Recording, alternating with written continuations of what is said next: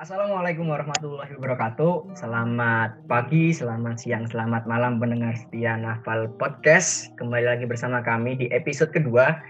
Nah, kemarin kan kita udah ngomongin banyak lebar nih. Nah, kita kembali lagi nih. Kita mau ngomongin tentang sesuatu yang lagi panas. Tapi aku nggak sendiri nih. Aku ada temanku, tapi sebetulnya aku perkenalan dulu. Perkenalkan nama aku Alreza dan kawan saya silahkan muncul. Hei, ayo muncul. Ayo, ayo. Oke, sorry perkenalkan ya. Nama saya Kuku gitu. Dalam podcast ini saya akan menemani Mas Reza, Esi Reza untuk apa ya? Untuk mengisi podcast ini. Ayo monggo. Oke. Gimana aku kabarnya, Gu? Baik, Gu. Alhamdulillah. Alhamdulillah. Siap bahas yang macam-macam, Gu? Siap. Oke. Ayo Mas, kita Oke, jadi gini teman-teman, eh, pendengar setia Nafal Podcast. Jadi di malam hari ini kita akan membicarakan satu tema yang menarik bagi pemuda khususnya mahasiswa ya, yaitu tentang peran mahasiswa di era sekarang. Nah, Kuh, menurutmu sih Kuh, peran mahasiswa yang sekarang itu seperti apa sih Kuh? Harusnya seperti apa dan sekarang itu gimana sih menurutmu? ya peran mahasiswa ya menurut itu banyak sih. Ya mungkin kita lihat agent of change ya. Ya berarti dia bisa dibilang itu sebagai agen perubahan gitu peran mahasiswa itu. Nah itu salah satunya ya. Mungkin ada Iron Stock dan ada lima lah pokoknya itu waktu itu agen apa agen apa of change gitu. Nah, harusnya pasti bisa dilakukan mahasiswa cuma banyak gitu. Yang saya mungkin kayak meneliti gitu, mengabdi dan sebagainya gitu. Itu menurut saya sih, Mas. Oke. Kalau kegiatanmu sekarang apa Kuh yang mencerminkan kamu itu eh, memerankan mahasiswa? Asik. Ya kalau kegiatan sosial ini kan itu apa ikut organisasi gitu kan, nah ikut apa di Forda gitu dan kalau di Forda itu biasanya gitu, apa pernah suatu waktu itu saya pernah itu ya kayak ada suatu bencana di daerah saya di provinsi ada banjir banjir lah itu kita buka donasi gitu tapi kita nggak ke sana gitu tapi kita lewatnya badan penyaluran penyaluran gitu kalau menurut saya itu sih mas kegiatanku selama mahasiswa ya Oh, siap, siap. Oh, gini kok. Daripada kita cuman berdua nih, mending kita kan sharing-sharing aja sama teman-teman kita. Nah, aku mau ngajak dua orang nih yang mau sharing-sharing sama kita. Gimana, kok? Masuk Boleh. nggak, Go? masuk masuk masuk Oke. Jadi sebelum kita bahas lebih lanjut teman-teman Naval Podcast, kita akan menghadirkan dua orang teman saya dan bisa perkenalan dulu aja. Monggo, mbaknya yang satu ini. Aja aja ada dua orang, mbak-mbak sama emas-emas. Kita ketemu sama mbak-mbaknya dulu aja. Assalamualaikum, selamat malam mbak. Malam, halo. Halo. Bisa kenalan dulu aja mbak, suaranya kok. Oke. Perkenalkan, nama saya Jenny Maude. Udah. Sekarang eh, ada kegiatan kegiatan apa mbak? Sama kenalin dong Jemima ini siapa sih? Oke, jadi aku mahasiswa Teknik Perkapalan angkatan 2019. Kalau untuk kegiatan aku sendiri, sebenarnya aku barengan nih sama mas-mas gestar satu lagi. Aku jadi volunteer buat mas-masnya di BEM FTK eh, di sosial masyarakat ya. Terus sama aku ada organisasi juga di luar kampus. Jadi organisasinya itu fokus ke pengembangan diri, leadership, dan juga buat world peace gitu sih. Gitu. Gitu aja. Sibuk sekali dikit aja. Oke tadi. Jemima ini eh, udah nyinggung ada mas-mas nih yang berkegiatan bareng. Nah kebetulan udah hadir juga nih mas-mas satu ini. Monggo mas masuk, silahkan perkenalkan dirinya dulu. Halo, selamat malam semuanya. Assalamualaikum warahmatullahi wabarakatuh. Eh, selamat malam, selamat pagi, selamat siang, selamat sore, para pendengar Nafal Podcast. Jadi, eh, perkenalkan nama saya Nazario Farul Fahrezi. Teman-teman bisa manggil Rio. Aku sekarang eh, sedang diamanai sebagai Kepala Departemen Sosial Masyarakat di BMFTK Kepengurusan tahun 2020. Aku mahasiswa Tekpal angkatan 2017 P57 dan kesibukan lain selain organisasi di BMF, aku sekarang jadi eh, memegang apa ya, memegang amanah sebagai konten kreator di sebuah komunitas eh, pengembangan diri. Mungkin kalau pingin kepo-kepo tentang konten-konten kreasinya seperti apa, teman-teman pendengar Nafal Podcast bisa memfollow uh, akun sebuah akun penjualan buku yang bernama @teknokratfar. Mungkin itu dulu. Uh, disisip disisipkan promosi-promosi sedikit nggak apa-apa kan? Iya. Oke, okay, silakan. Dikat mas. Oke, terima kasih Pak Jemima sama Mas Rio ya. Jadi gini, biar lebih akrab aku manggilnya dirimu ya. Jadi gini, tadi aku sama Kuku ini baru ngomongin satu tema nih tentang peran mahasiswa. Tadi Kuku juga udah bilang peran mahasiswa menurut Kuku itu gimana-gimana. Nah, kalau aku mau tanya sama Rio sama Jemima nih, menurutmu sih kenapa sih mahasiswa itu harus berperan dan peran seperti apa yang harus dilakukan oleh mahasiswa ini? Bisa ke siapa dulu nih nah ini? Oh, ke Jemima aja. Oke, peran mahasiswa ya. Kalau misalnya tadi Mas Kuku aku sempat dengar bawa-bawa agent of change nih, kayaknya aku mau balik ke basicsnya dulu ya. Menurut aku peran mahasiswa itu ya saat mahasiswa give back ke orang-orang di sekitarnya. Maksudnya give back itu kayak uh, balasan dari pendidikan lebih lanjut yang bisa didapatkan. Karena ada beberapa kemampuan yang mungkin gak bisa didapetin di luar sana nggak bisa didapetin oleh orang-orang yang tidak punya kesempatan untuk menjadi seorang mahasiswa. Contohnya misalnya structural thinking, analytical thinking, creative thinking, itu kan aku sih merasanya diasah banget nih selama menempuh pendidikan di perguruan tinggi. Dan karena nggak semua orang punya kesempatan itu, jadi dengan kita bisa menggunakan ketiga kemampuan itu untuk mengembalikan ke masyarakat, yaitu yang bisa disebutin peran mahasiswa. Karena kan ada secara spesifik nih disebutin mahasiswanya. Gitu menurutku. Oke kita menurut Mbak Jemima jadi kayak ketika kita menjadi mahasiswa itu ada feedback yang kita pegang gitu yang kita harus laksanakan. Katanya perannya mahasiswanya sendiri itu apa? Menurut Rio ini setelah berapa tiga tahun kuliah ya mau tiga setengah tahun kuliah. Peran seperti apa sih yang harus diperankan oleh seorang mahasiswa itu? Oke, okay. uh, eh, mungkin dulu flashback dulu ya tiga tahun yang lalu, ketika aku mengenal sebuah kata mahasiswa gitu ya, mengenal sebuah kata mahasiswa waktu itu di Gerigi ITS, di Gerigi ITS dulu kita dikenalkan sebuah apa ya sebuah istilah dari Dharma perguruan tinggi PFM dan lain-lain. Jadi di situ memang kita di apa ya disuruh secara tidak langsung untuk mahasiswa ini memang harus berperan berperannya seperti apa dan kenapa, kenapa harus berperan. Mungkin awalnya dulu kenapa harus berperan ya, karena kita mahasiswa ini adalah salah satu eh, substansi masyarakat yang sebenarnya kita nggak nggak apa ya nggak nggak ada nilai lebihnya selain privilege yang kita punya. Kita ini sebenarnya orang-orang biasa yang sama kayak masyarakat yang lain. Cuma apa yang membedakan kita dengan mereka kita punya akses, kita punya privilege lebih. Nah, dari situlah, dari privilege-privilege itulah, mungkin aku ambil contoh privilege-nya apa, kita membayar UKT nggak sepenuhnya full. Itu yang sering kating-kating kita katakan ya kan. Nggak, nggak sepenuhnya full, itu dapat subsidi dari masyarakat gitu kan. Nah, dari situlah, dari privilege-privilege itulah, maka dari itu kita punya tanggung jawab moral untuk berperan. Berperannya dalam hal seperti apa dan bagaimana, ya kita kembali ke masyarakat kita kembali untuk mereka dengan ilmu-ilmu dan pendidikan yang sudah kita dapat di kampus, dengan privilege-privilege yang, yang sudah kita dapat selama ini di kampus, itu kita kembali ke mereka. Kita eh, jadi semacam apa ya, semacam bukan orang ya, kelompok yang mampu membawa perubahan menuju masyarakat yang lebih baik. Mungkin seperti itu Mas Reza. Oke oke oke. Wow. Nah, mau mantap juga nih pendapatnya ya peran mahasiswa ya. Tapi nih, yang saya masih bingung kan, biasa itu kan orang-orang pada bingung tuh. Nah, peran mahasiswa itu sebagai agent of change ya. Nah, menurut teman-teman ya, terus mas mbak sekalian ini, agent of change itu bagaimana sih sebenarnya, definisi sebenarnya? Ya mungkin dari Mas Rio dulu mungkin lah yang boleh memberikan opini gitu. Oke, dari aku dulu ya.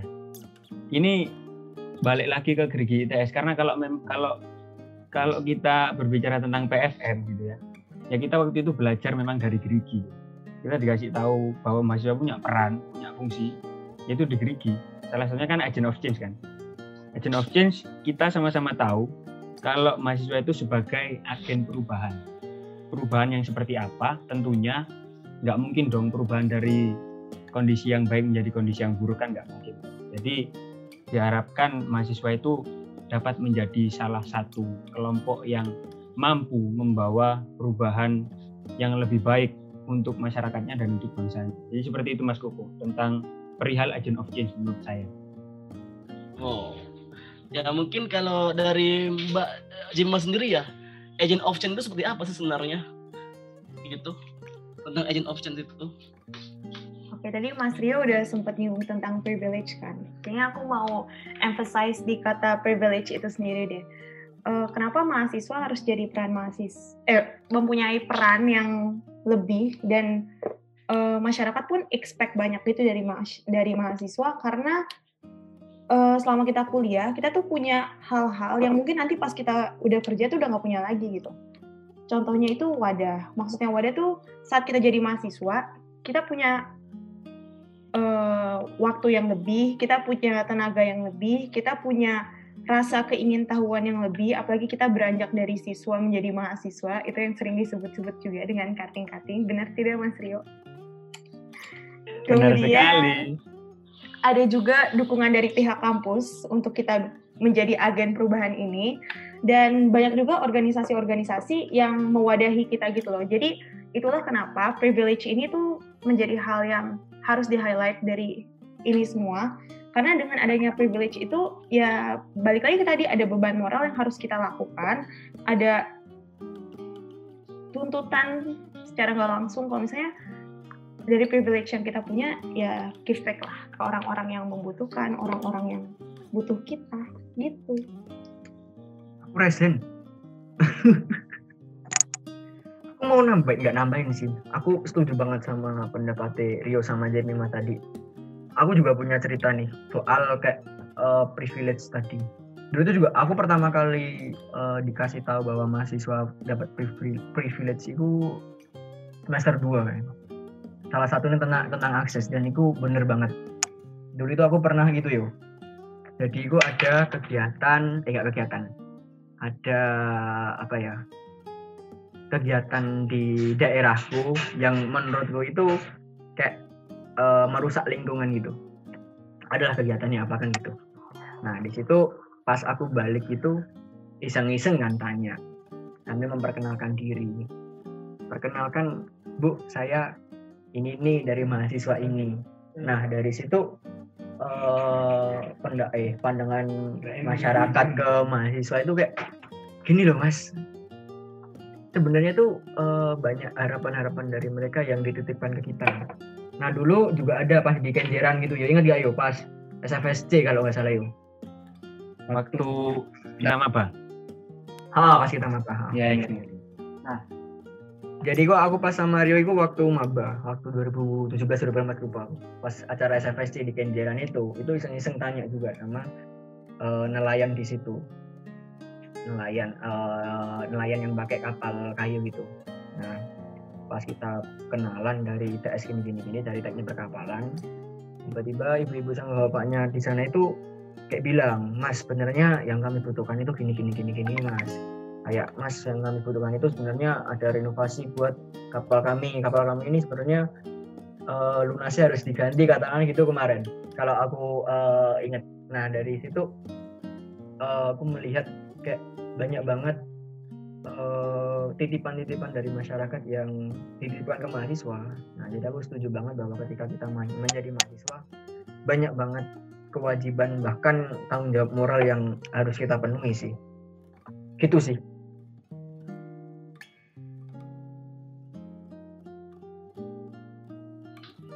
Nah itu sih tadi ya pendapat agent of change ya.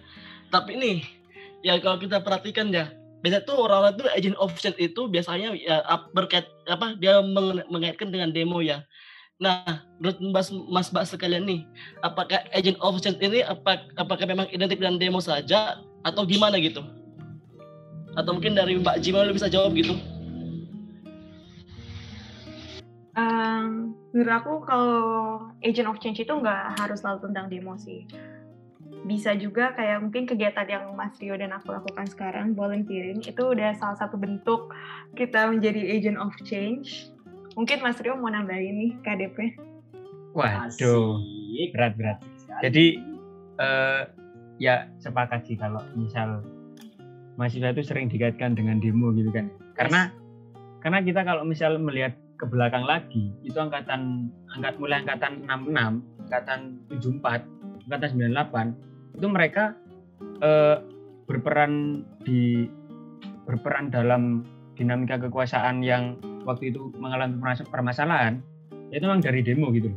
Dan aku ngerasanya mahasiswa sekarang itu ada sebuah tuntutan apa ya tuntutan secara nggak langsung oh mahasiswa ini memang harus demo dulu dulunya demo kok gitu kan tapi eh, aku sepakat sama Jemima mahasiswa itu nggak nggak cuma identik dengan demo pergerakan mahasiswa dan agent of change itu nggak cuma identik dengan demo.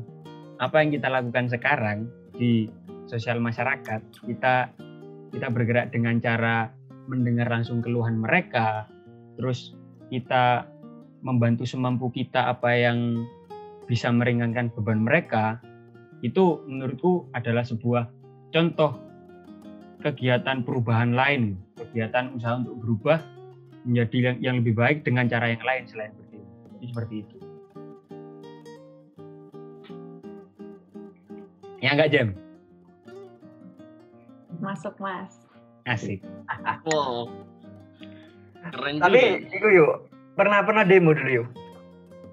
Dulu itu demo eh, pernah yang waktu ini, waktu apa? Waktu pendidikan dikomersilkan. Oh, student loan ya, student loan. Student loan sama yang September tahun lalu itu demo. Oh iya 2019 ya. Oh yang itu ya. Yang revisi KPI gitu mas ya. Undang-undang KPI Hmm. itu ya. Ya, Hmm. Oke, sudah dapat pencerahan ya. Tapi Tuh, ini sih, dapat. Isi peteng tapi. masih Tapi gelap. ini sih masih ada gelap. Ada satu hal nih yang masih mengganjal nih di pikiran saya. Nah, ini tapi kok kenapa sebagian mahasiswa itu menganggap agent of change itu hanya demo aja gitu? Apakah ada faktor-faktor yang menyebabkan sebagian mahasiswa itu hanya berpikiran, oh, kalau kita ikut demo itu berarti kita sudah memenuhi peran mahasiswa itu sebagai agent of change itu. Nah, menurut Mas Mbak itu gimana sih dengan statement yang ada di sebagian mahasiswa Indonesia gitu? Mungkin dari Mas Ro dulu ya. Oh, aku sih nggak Jemima dulu. Mas Ro dulu Mas Ro dulu. ya kayak kayak tadi loh kayak yang aku bilang tadi memang eh, kita disajikan sebuah sejarah yang sejarah mahasiswa gitu ya yang mulai oke lah 08 28 45 itu itu kaum apa ya kaum yang memang benar-benar menembus tradisi waktu itu mereka mereka berusaha untuk berkembang secara pemikiran gitu ya kayak Budi Utomo terus kayak cikal bakal sumpah pemudanya itu dan eh, kami kami yang waktu itu menggulingkan PKI itu kan melalui pemikiran mereka kan. Tapi setelah setelah Orde Baru, Orde Baru ada gitu ya 66. Oh, Orde Lama, Orde Lama mau habis itu 66 kan. Angkatan 66 itu angkatannya Zogi. Angkatannya Zogi 66. Itu mereka udah mulai masif pergerakannya memang. Secara massa mereka apa ya mereka turun ke jalan dan lain-lain. Mungkin koreksi kalau kalau aku salah ya. Tapi secara yang aku baca kayak gitu. 66 oke. 74 74 waktu itu eh, karena memang intervensi militer negara sangat kuat gitu ya. Sehingga eh, mahasiswa ini apa ya tetap waktu itu tetap berdemo dan pemerintahan orde baru itu berusaha mengekang mereka melalui satu melalui kegiatan-kegiatan di kampus kegiatan sosial di kampus kayak KKN KKN waktu itu kalau nggak salah tahun 70-an baru diadakan. Terus juga NKKBKK normalisasi keamanan kampus waktu itu. Itu kayak semacam mengekang mengekang mahasiswa yang mau berdemo-demo seperti itu. Dan kita ambil contoh kita yang sama-sama tahu lah kata 98 itu Soeharto turunnya gara-gara itu kan gara-gara demo kan. Nah mungkin dari latar belakang sejarah yang kita saksikan selama ini itulah yang membuat mahasiswa ini diidentikan dengan demo gitu loh gitu loh. Padahal yang aku bilang tadi kita punya jalan masing-masing untuk untuk membawa, perubahan yang lebih baik nggak cuma berdemo. Bisa kita melalui PKM nanti PKM itu kita terapkan ke masyarakat. Terus bisa kita melalui apa ya melalui ya melalui sosial masyarakat yang yang tadi aku bilang kita langsung bersentuhan langsung dengan mereka terus kita membantu semampu kita untuk mereka. Jadi seperti itu. Jadi faktor sejarah yang membuat menurutku ya faktor sejarah yang membuat uh, mahasiswa itu identik dengan demo Oh berarti anu ya berarti mas ya. Berarti ini semua ini masih ketika itu didoktrin dengan sejarah berarti mas ya? Makanya kenapa Bukan- sebagian mahasiswa itu? Bukan doktrin sih cuma apa ya? Yang kita baca selama ini yang aku baca selama ini literatur-literatur tentang pergerakan mahasiswa yang memang yang disajikan kebanyakan tentang pergerakan massa kan? Tentang tentang perdemuan perdemuan seperti itu berarti itu salah satu faktor yang berarti gitu ya. Dari Mbak Jemima gimana gitu? Atau cukup? Kalau mungkin apa? Kenapa Jem Muka kamu nggak kelihatan gini-gini. nah nah ngomong-ngomong nih masalah kita peran mahasiswa kan kita bahas agent of change nih. Nah peran mahasiswa itu apakah hanya sebagai agent of change aja atau apakah ada peran lainnya sebagai mahasiswa itu sebagai pemuda gitu? Ya mungkin dari itu ya. menjawab. Ya kan masih, masih begitulah. baru setahun Iya, gerigi kan? Masih baru setahun Ya, gerigi masih mau belum lupa dia.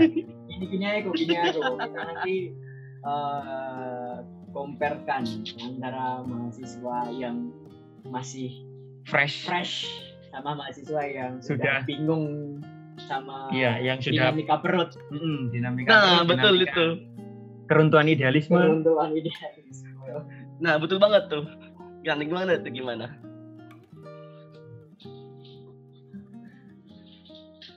ya dari Jemima ya Oh ya, ini makasih loh Mas Rio. Emang Grigi nih yang ngajarin aku ini semua juga. Asik. Eh, jadi kalau peran mahasiswa yang lain, kalau dari tadi cuma dibahas tentang agent of change, kayaknya yang menarik juga ini moral force. Kenapa moral force? Jadi gini, kan moral force itu maksudnya kalangan intel- intelektual harus mencerminkan karakter terbaiknya nih. Menurutku ini penting. Kenapa? Karena dari zaman sekolah pun kita udah dibilangin kalau misalnya kepintaran tuh nggak ada artinya kalau nggak dibarengin sama manner, sama attitude yang baik ya kan. Apalagi sekarang kita udah me- apa nih? Udah punya gelar nih, gelar mahasiswa gitu ada mahanya ya kan. Nah, masa udah punya kesempatan tadi udah dibilang dapat privilege untuk mendapat pendidikan lebih lagi kok nggak punya sikap yang baik? Gitu aja sih menurutku simpelnya kayak gitu. Kalau kita dari sekolah kita dari kecil aja udah dibilangin gitu-gitu ter, gitu terus-terusan sama orang tua sama guru di sekolah. Nggak ada salahnya kan kita lanjutin lagi pergerakan kita untuk tetap me, apa ya mengaplikasikan nilai-nilai baik dalam kehidupan kita sehari-hari gitu menurutku Wow, keren juga ya. Seperti ini masalah ya, berarti moral force ya. Ya, mau dari Mas Rio. Saya nggak menambahkan Iya, so- enggak Jawaban Iya, yang lain. oh jawaban yang lain Jawaban versi mahasiswa tua. oke mahasiswa tua enggak sih enggak tua ya mahasiswa tahun terakhir aja Siap. tahun keempat Eh, selain agent of change ya gue ya? Selain agent of change itu moral force. Oke moral force. Iron stock sama social control. Oke. Kalau iron stock yang sumpah wiki terakhir terakhir baca-baca tentang ini ya gerigi. Iron stock itu generasi penerus. Kita mahasiswa sebagai generasi penerus yang akan meneruskan tonggak kepemimpinan selanjutnya. Demi bangsa dan negara yang lebih baik. Itu idealnya seperti itu. Dan untuk yang sosial kontrol, sosial kontrol ini kita sebagai pengawas pengawas sosial, pengawas sosial seperti apa? Kita nggak cuma mengawasi jalannya pemerintahan sih sebenarnya, nggak cuma mengawasi jalannya pemerintahan, jalannya eh, kondisi negara seperti apa, tapi kita kita mengawasi juga masyarakat itu seperti apa dengan moral force yang kita punya, dengan nilai-nilai yang kita jaga, dengan nilai-nilai yang eh, apa ya, dengan manner tadi gitu ya, kita punya pegangan, kita punya acuan versi kita ya sebagai mahasiswa untuk mengkontrol sosial kita, jadi seperti itu. Kontrol dalam artian pengawasan lah, biar biar eh, sekitar kita itu nggak ada yang menyimpang itu harapan ideal seorang mahasiswa seperti itu. Tapi kalau aku tarik ini menurutku ya kalau aku tarik dari empat empat PFM itu empat PFM itu ada satu nilai besar nggak besar ya ada satu nilai yang menurutku jadi poin penting sih. Mahasiswa ini memang harus peduli. Itu dari empat PFM itu ada satu nilai yang harus dipunyai mahasiswa itu peduli. Peduli peduli tentang apa? Peduli kepada apa? Peduli kepada moral force tadi peduli kepada diri sendiri. Yang pertama. Terus yang kedua eh, social control peduli kepada sekitar kita jadi seperti itu. Nah, setelah peduli itu tadi barulah dari setelah kita peduli, setelah kita peka gitu. Peka kan ya juga peduli kan gitu. Uh, setelah kita peduli itu, kita mampu melihat sesuatu dengan apa ya dengan istilahnya dengan lengkap lah. Kalau kita peduli kita kita cari tahu terus kita kita cari masalah kira-kira seperti apa dan bagaimana itu kan. Barulah dari situ kita bisa ngasih sebuah penawaran. Penawaran berupa solusi mungkin secara pemikiran kita, secara pergerakan kita untuk sesuatu yang lebih baik. Jadi seperti itu buku. Uh, wow. Selain agent of change. Nice. Keren juga ya di opini-opini ini. Nah, oh iya Jam daripada diem aja kan.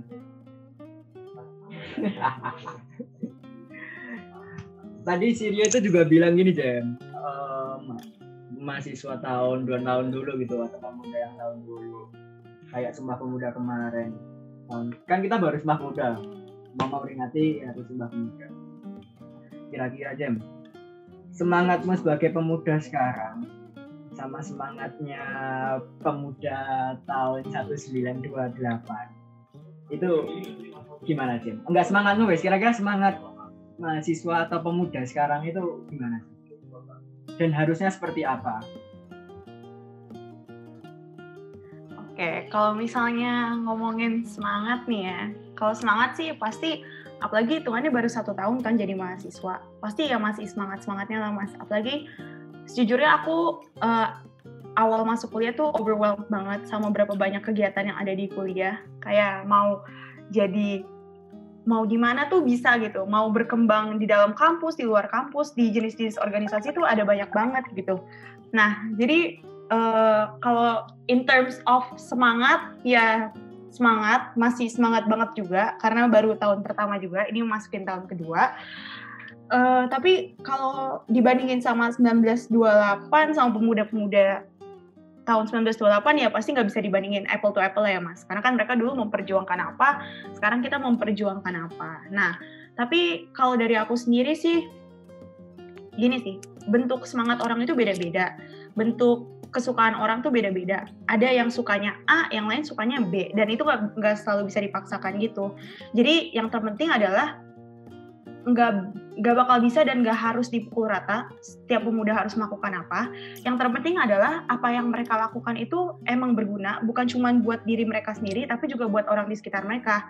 Balik lagi sama kayak yang tadi Mas Rio sempat bilang tentang tanggung jawab, ya lagi bersemangat semangatnya, lagi berapi-apinya untuk melakukan ini itu ya lakukan dengan tanggung jawab dan make sure itu nggak nggak cuman dilakukan untuk fame atau untuk supaya dikira orang keren banget, baik banget gitu. Jangan jangan jangan apa ya, jangan melakukan hal-hal tersebut untuk pujian lah. Do it for yourself, do it for other people, do it from the heart. Dan kalau misalnya udah kayak gitu ya udah outputnya pun pasti baik gitu loh, nggak bakal kayak yang gimana-gimana gitu. Jadi buat teman-teman semua semangat. Untuk Mas Rio urusan protes semangat nggak apa-apa. Kalau idealisme meluntur tuh nggak apa-apa Mas asli. Karena kan nanti kalau misalnya udah semakin tua emang prioritasnya kan pasti udah shifting dong. Kalau sekarang fokusnya kuliah apa nanti kan udah menikah kerja gitu kan udah beda. Jadi nggak apa-apa oh, oh, kalau oh. misalnya itu meluntur. Jadi yang penting apa aja yang dilakuin mau di mana pun, mau perannya sebagai mahasiswa atau nanti orang kantoran atau pengusaha itu harus punya nilai-nilai yang selalu dipegang, selalu bertanggung jawab, and do it from the heart. Udah. Oh, mantap. Wow. Ya, sekian Naval Podcast. Geri, mantap, geri. Keren, keren, keren, keren, asli, asli, asli. Mantap. Waduh. Tapi sama kata-kata saya ini sebenarnya. Jadi bupati. Nah, ini nih kan ngomong Sumpah Pemuda juga nih kan singgungan Sumpah Pemuda nih. Nah, menurut dari ini Mas Mbak sekalian nih apa sih sebagai pemuda kita apa pemuda Indonesia saat ini tuh bisa mengambil pelajaran gitu loh. Apa buat apa dari pelajaran Sumpah Pemuda gitu. Pelajarannya bisa kita apa hikmahnya dan bagaimana kita bisa amalkan gitu loh buat kondisi saat ini gitu. Mungkin dari Mas dulu ya, mungkin. Oh, aku dulu dah. Oh, tapi jawaban Jemima tadi udah lengkap sih Sudah sebenarnya. lengkap. Kalau Besok lengkap. ya aku nyoba ini nyoba ngasih pandangan. Pelajaran-pelajaran apa yang bisa kita ambil dari Sumpah Pemuda? Dulu Sumpah Pemuda itu berawal dari ketika eh, 1908 Budi Utomo. Budi Utomo itu beru- mencoba mendobrak tradisi-tradisi Jawa yang memang anak-anak waktu itu nggak boleh tanya kenapa malam Jumat nggak boleh keluar? Kayak gitu lah kasarannya primordialisme kalau kalau nggak salah istilahnya gitu kan. Nah itu. Jadi mereka berusaha untuk berpikir maju untuk berpikir next dan logis. Itu itu 1908 1928 mereka ada semangat semangat untuk menyadarkan satu sama lain dan menghimpun secara kelompok bahwa Indonesia ini bisa untuk merdeka. Jadi seperti itu kan. Itu 1928 mungkin nanti eh, koreksi aja kalau aku salah. Dan pelajaran-pelajaran yang yang pat yang bisa kita ambil sebenarnya balik lagi sih ke kepedulian dari kepeduli nilai-nilai kepedulian itu tadi. Eh, pemuda-pemuda zaman dulu peduli akan bangsanya peduli akan nasib negaranya sehingga mereka membentuk sebuah perkumpulan perhimpunan Indonesia perhimpunan pelajar-pelajar Indonesia apalah itu namanya dulu itu mereka 1928 itu sepakat gitu bahwa Indonesia ini bisa untuk merdeka gitu. bisa untuk menentukan nasibnya sendiri terus bisa untuk menjadi bangsa yang lebih baik atas dasar apa ya atas dasar peduli itulah mungkin mungkin eh, aku simpulkan aja pelajaran yang bisa kita ambil dari 1928 itu kepedulian itu tadi kepedulian akan akan kondisi yang ada sekarang. Dengan kondisi yang ada sekarang kita mampu berbuat apa? Apakah kondisi sekarang ini buruk? Kalau buruk kita perbaiki. Kalau baik kita pertahan- pertahankan atau kita buat lebih baik. Jadi seperti itu mas kuku. Untuk Wow. pelajaran bisa diambil mungkin Jemima aku aku menunggu menunggu jawaban Jemima Nah, Aku itu terdiam. tuh? Kita sampai kita tuh pengen bener lagi loh. Pelajaran apa sih sebagai pemuda itu dari Mbak Jemima. Terus tadi statement itu kita begitu wow terbuka gitu dengar statementnya. Eh, Oke, kalau misalnya dari aku apa yang bisa kita pelajarin dari Sumpah Pemuda itu nggak ada yang nggak mungkin sih. Maksudnya nggak ada yang nggak mungkin, maksudnya itu gimana? Eh, zaman dulu nggak ada yang tahu loh pemuda bakal bisa melakukan sebuah aksi yang sangat besar, sebuah aksi yang historical yang semua orang nggak pernah pikirin. Tapi akhirnya bisa kok, akhirnya ada kok tuh yang namanya Sumpah Pemuda. Kenapa? Kenapa nggak tuh? Jadi gini, Kenapa? menurutku eh, nggak ada yang nggak mungkin karena ada banyak jalan menuju Roma. Everything is possible as long as you are willing to try, as long as you are willing to give everything you can. Dan ya udah balik lagi tadi lakunya dari hati gitu. Jangan jangan muluk-muluk lah pengen gini gitu. Just do it gitu. Wah jadi iklan tapi ini bukan iklan. Intinya nggak ada yang nggak mungkin asal kita mau berusaha aja dan lakukan yang terbaik gitu sih maksudnya emang sih itu terkadang kadang terdengar sangat apa ya omong kosong gitu tapi sebenarnya itu benar karena aku juga beberapa kali dalam kehidupan aku melewati masa-masa seperti itu dan ya udah gitu enak sih oke mantap Jemima Mantap, aku nanya mantap. ke Mas Koko. Mas Nah, Koko gimana Ya, menurut Mas Koko pelajaran Sumpah Pemuda yang bisa kita ambil untuk sekarang gitu. kalau aku kan nilai-nilai kepedulian. Terus kalau Jemima kan tidak ada yang tidak mungkin gitu kan. Kalau dari Mas Koko sendiri ini ini bukan ngetes loh ya. Kita cuma berbagi insight aja gitu loh. Udah Mas Koko ya. Ya betul banget. Biar nggak gestarnya aja yang ditanya. Gestar. Ya, widih. Ya, kalau menurut saya Mas ya, ya kalau apa sih pelajaran sebagai sumpah pemuda apa pelajaran yang pemuda bisa ambil ya dari peristiwa sumpah pemuda itu? Nah peristiwa ini gimana? Kita tuh bagaimana berjuang? Kita nggak boleh patah menyerah. Meskipun banyak hambatan depannya banyak rintangan tapi kita nggak boleh menyerah gitu loh. Ingat kita ingat goal kita gitu loh. Jangan sampai kar- karena satu hal kita sampai melupakan goal kita itu Itu sih kalau menurut saya sih Mas. Mungkin dari Mas Reza mungkin. Loh, loh, loh, loh. Apa- Nah. Oke oke. Mana za? Eh, kalau dari aku itu sih bukan tentang mahasiswanya tapi tentang pemudanya jadi aku ngerangkum aja sih jadi yang bisa di kita jadikan semang eh yang- yang bisa kita ambil dari pelajaran kemarin-kemarin itu adalah semangat para pemudanya. Yo eh, nggak dapat dipungkiri juga pergerakan ataupun perubahan yang ada di Indonesia sejak zaman sebelum sebelum merdeka sampai setelah merdeka pun ada peran pemuda di dalamnya apalagi di Sumpah Pemuda itu kan. Jadi semangat pemudanya. Dari semangat pun kita bisa turun lagi ke eh, kita mau ngapain dulu.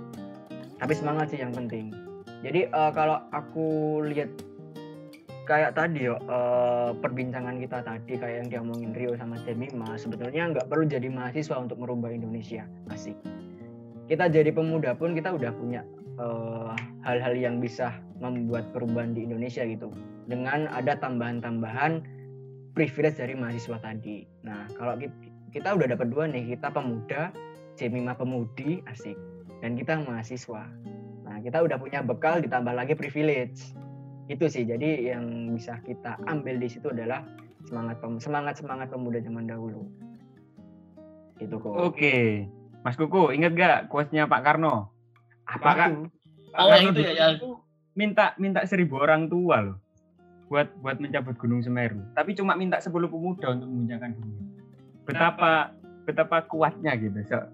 Eh, sebuah power pemuda gitu loh Mas Kuku.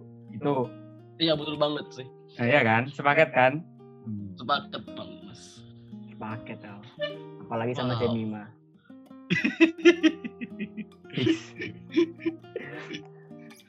Nah, wah. Keren juga dari pembahasannya ya. Gimana Kok tuh dari Mas? Reza?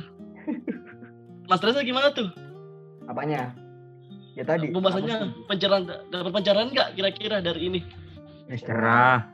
aku cuman wajahku yang nggak cerah Waduh, waduh, waduh, waduh. Nah, sebelumnya nih, makasih banyak ya buat apa insightnya pada kesempatan kali ini ya buat eh, Mas Rio sama Mbak Jemima ya. Wah intinya dari apa kesempatan kali ini itu kita dapat ilmu gitu, dapat insight bagi seorang pembantu gimana sih perannya dan apa sih apa sih pau apa energi kita apa diperlukan sebagai seorang mahasiswa apa mahasiswa gitu dan kita juga bisa melihat kembali peran kita itu sebagai mahasiswa gitu loh. Nah gimana tuh dari Mas Reza? Oke, eh, kalau menurutku juga perbincangan malam ini menarik sekali ya. Nggak kalah sama perbincangan yang di episode pertama kemarin. Tapi juga karena waktu terbatas gitu. Eh, Kira-kira kita udah tiga jam kita. Wah, Udah. lama banget. Lama juga ya. Eh, mungkin ada satu pertanyaan yang masih mengganjal nih. Mungkin sekalian closing statement aja ya. Kita bersama Mas Mbak Gestar ini. Mungkin satu persatu dari kita eh, ada closing statement mengenai eh, tema hari ini. Tapi nanti buat Mbak Jemima sama Mas eh Mas Rio itu ada pertanyaan tambahan. Aku mau tanya nih. Sebelumnya kita closing statement dulu aja. Nah? Dari mungkin dari dulu? Mas Rio dulu ya. Mas Rio dulu ya mungkin closing Oh, statementnya. Jangan, Jemima dhisik. Eh, Oh, Jemima dulu ya. Apa sih? Jamin Jemima closing closing. Oke. Closing closing Biar biar adik kita dulu ya, adik Jemima dulu yang kita. Oh. Oh, adik Gimana tuh Jemima terakhir. gimana tuh? Ya, ya, ya, yang muda Ya. yang terakhir. Yang. Mewakili jiwa-jiwa yang memang muda. Akhir.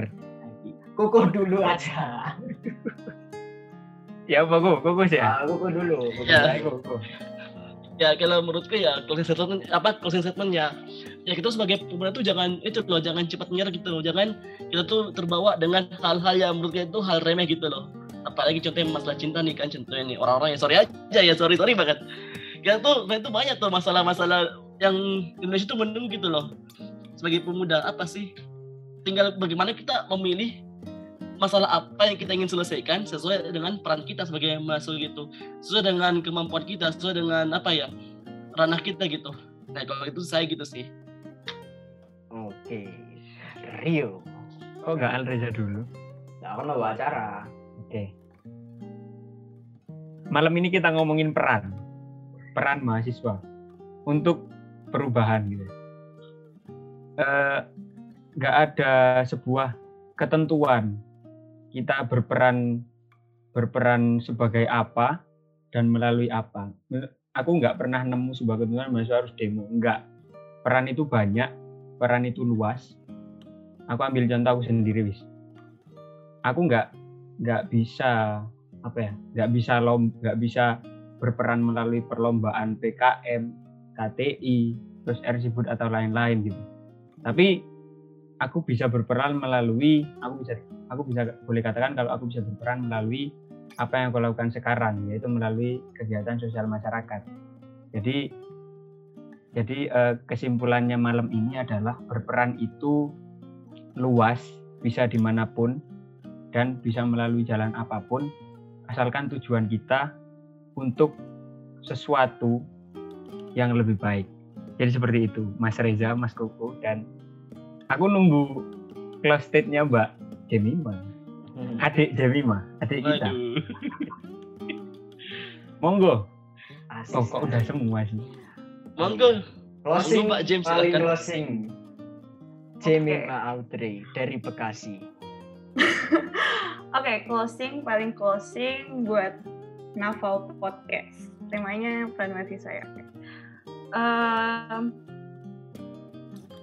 aku setuju sama Mas Kuku sama Mas Rio. Dua-duanya benar dan mungkin yang aku sampaikan pun bakal mengulang hal yang sama, tapi semoga enggak.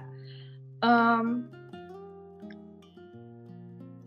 kadang-kadang kalau misalnya lagi di jurusan itu sering banget dibilang dijaga terus semangatnya. Kalau aku denger itu, aku selalu mikir kayak ngapain sih semangat doang dijaga gitu. Tapi terkadang kalau lagi lelah banget, lagi rasanya jenuh gitu ngelakuin apa aja, nggak cuma pelajaran ya, kegiatan-kegiatan di luar yang nggak akademik juga kayak gitu.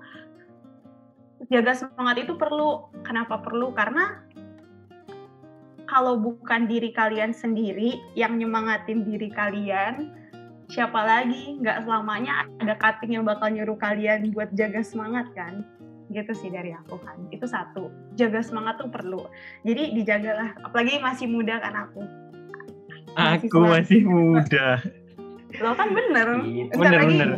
Bener kan? An- Anda paling muda di antara kita. Iya, paling muda. Apalagi masih muda, jadi dijaga semangatnya. Karena juga waktu tuh cepet banget berlalunya. Baru kemarin aku masih ke UPMB, sekarang aku udah di Online. jurusan U. Online. Mas Rio jangan gitu dong, jahat sumpah. Eh, yaudah, dija- satu dijaga semangatnya. Kedua, bener harus set tujuan, pengen ke mana, pengen ngelakuin apa, pengen berdampak untuk siapa aja. Karena dari goal itu jadi bisa tentuin jalannya, path buat sampai ke sana tuh kayak gimana. Sama satu lagi, yang ketiga, selain semangat dan set tujuan adalah lakukan dengan hati itu. Iya, lakukan dengan hati. Pokoknya itu poin aku dalam melakukan segala hal adalah lakukan dengan hati. Do it from your heart, do it willingly. Ya udah. Hopefully outcome-nya pun bagus dan orang-orang di sekitarnya pun juga bisa merasakan kalau misalnya itu emang dilakukan dari hati dan emang dilakukan atas keinginan diri sendiri, bukan karena paksaan atau menunggu balasan dipuji-puji gitulah. Gitu dari aku deh. Pakat. Pakat Iya nggak Mas. Rio? Aduh Iya Mas benar. Benar. Benar Jam asli Jam. Iya kan? Dia mau Eh, Apa Mas? iklan Instagram enggak? Barangkali habis ini gue yakin follower bakal naik. Jangan aku kalau orang lihat Instagram aku nggak kayak gini aku jadi nggak usah. Oh. Oke, makasih banget buat Rio, Jemima, Kuko. Oke, sebelum kita tutup, terakhir, terakhir paling terakhir, Rio atau Jemima sih ya? Hmm. Jemima, satu kata untuk mahasiswa. Cepet, Semangat. semangat. Rio, satu kata untuk pemuda. Satu kata untuk mahasiswa. Peduli. Satu kata untuk pemuda. Peduli.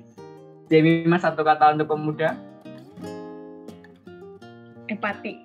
Empati. Sekian teman-teman Nafal Podcast kali ini, malam ini, siang ini, pagi ini. Semoga tetap terhibur dan tetap menjadi pendengar setia podcast kami. Nantikan podcast kita episode ketiga dengan gestar-gestar yang lebih menarik. Mungkin nanti kita akan mengundang adalah sekian dari kami. Saya Alreza mohon pamit bersama rekan saya. Kuku. Saya Kuku, Oke. mohon pamit juga. Yo, Sekian, selamat pagi, semangat pagi. Assalamualaikum warahmatullahi wabarakatuh.